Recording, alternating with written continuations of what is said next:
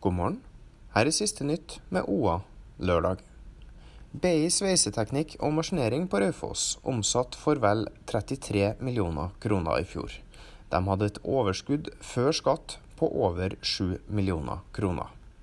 Pila peker også oppover for søsterbedriften BI Service AS, som ligger innenfor fabrikkområdet på Raufoss. De hadde en omsetning på nesten 25 millioner og nådde et resultat på 2,6 millioner kroner før skatt. Begge bedriftene ble starta samme dag, den 1. januar 2015. Bak står far og sønn, Bjørn Olav og Bård Ronny Bakke. Med seg har de Atle Storsveen for å lede BI Service. Fire personer ble bortvist fra Fagernes i natt. En mann og ei dame, begge i 20-årene, ble bortvist fra Fagernes etter et slagsmål i totida i natt.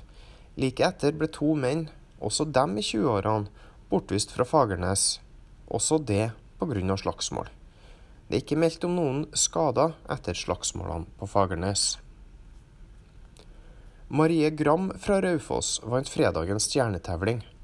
Oppgaven den gangen her var å synge ei låt fra 80-tallet og ei moderne låt. Marie Gram sang 'Higher Love' av Steve Winwood og 'Ready For It' av Taylor Swift.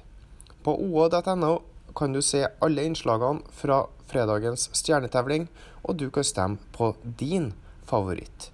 Her kan du òg holde deg oppdatert på siste nytt gjennom dagen.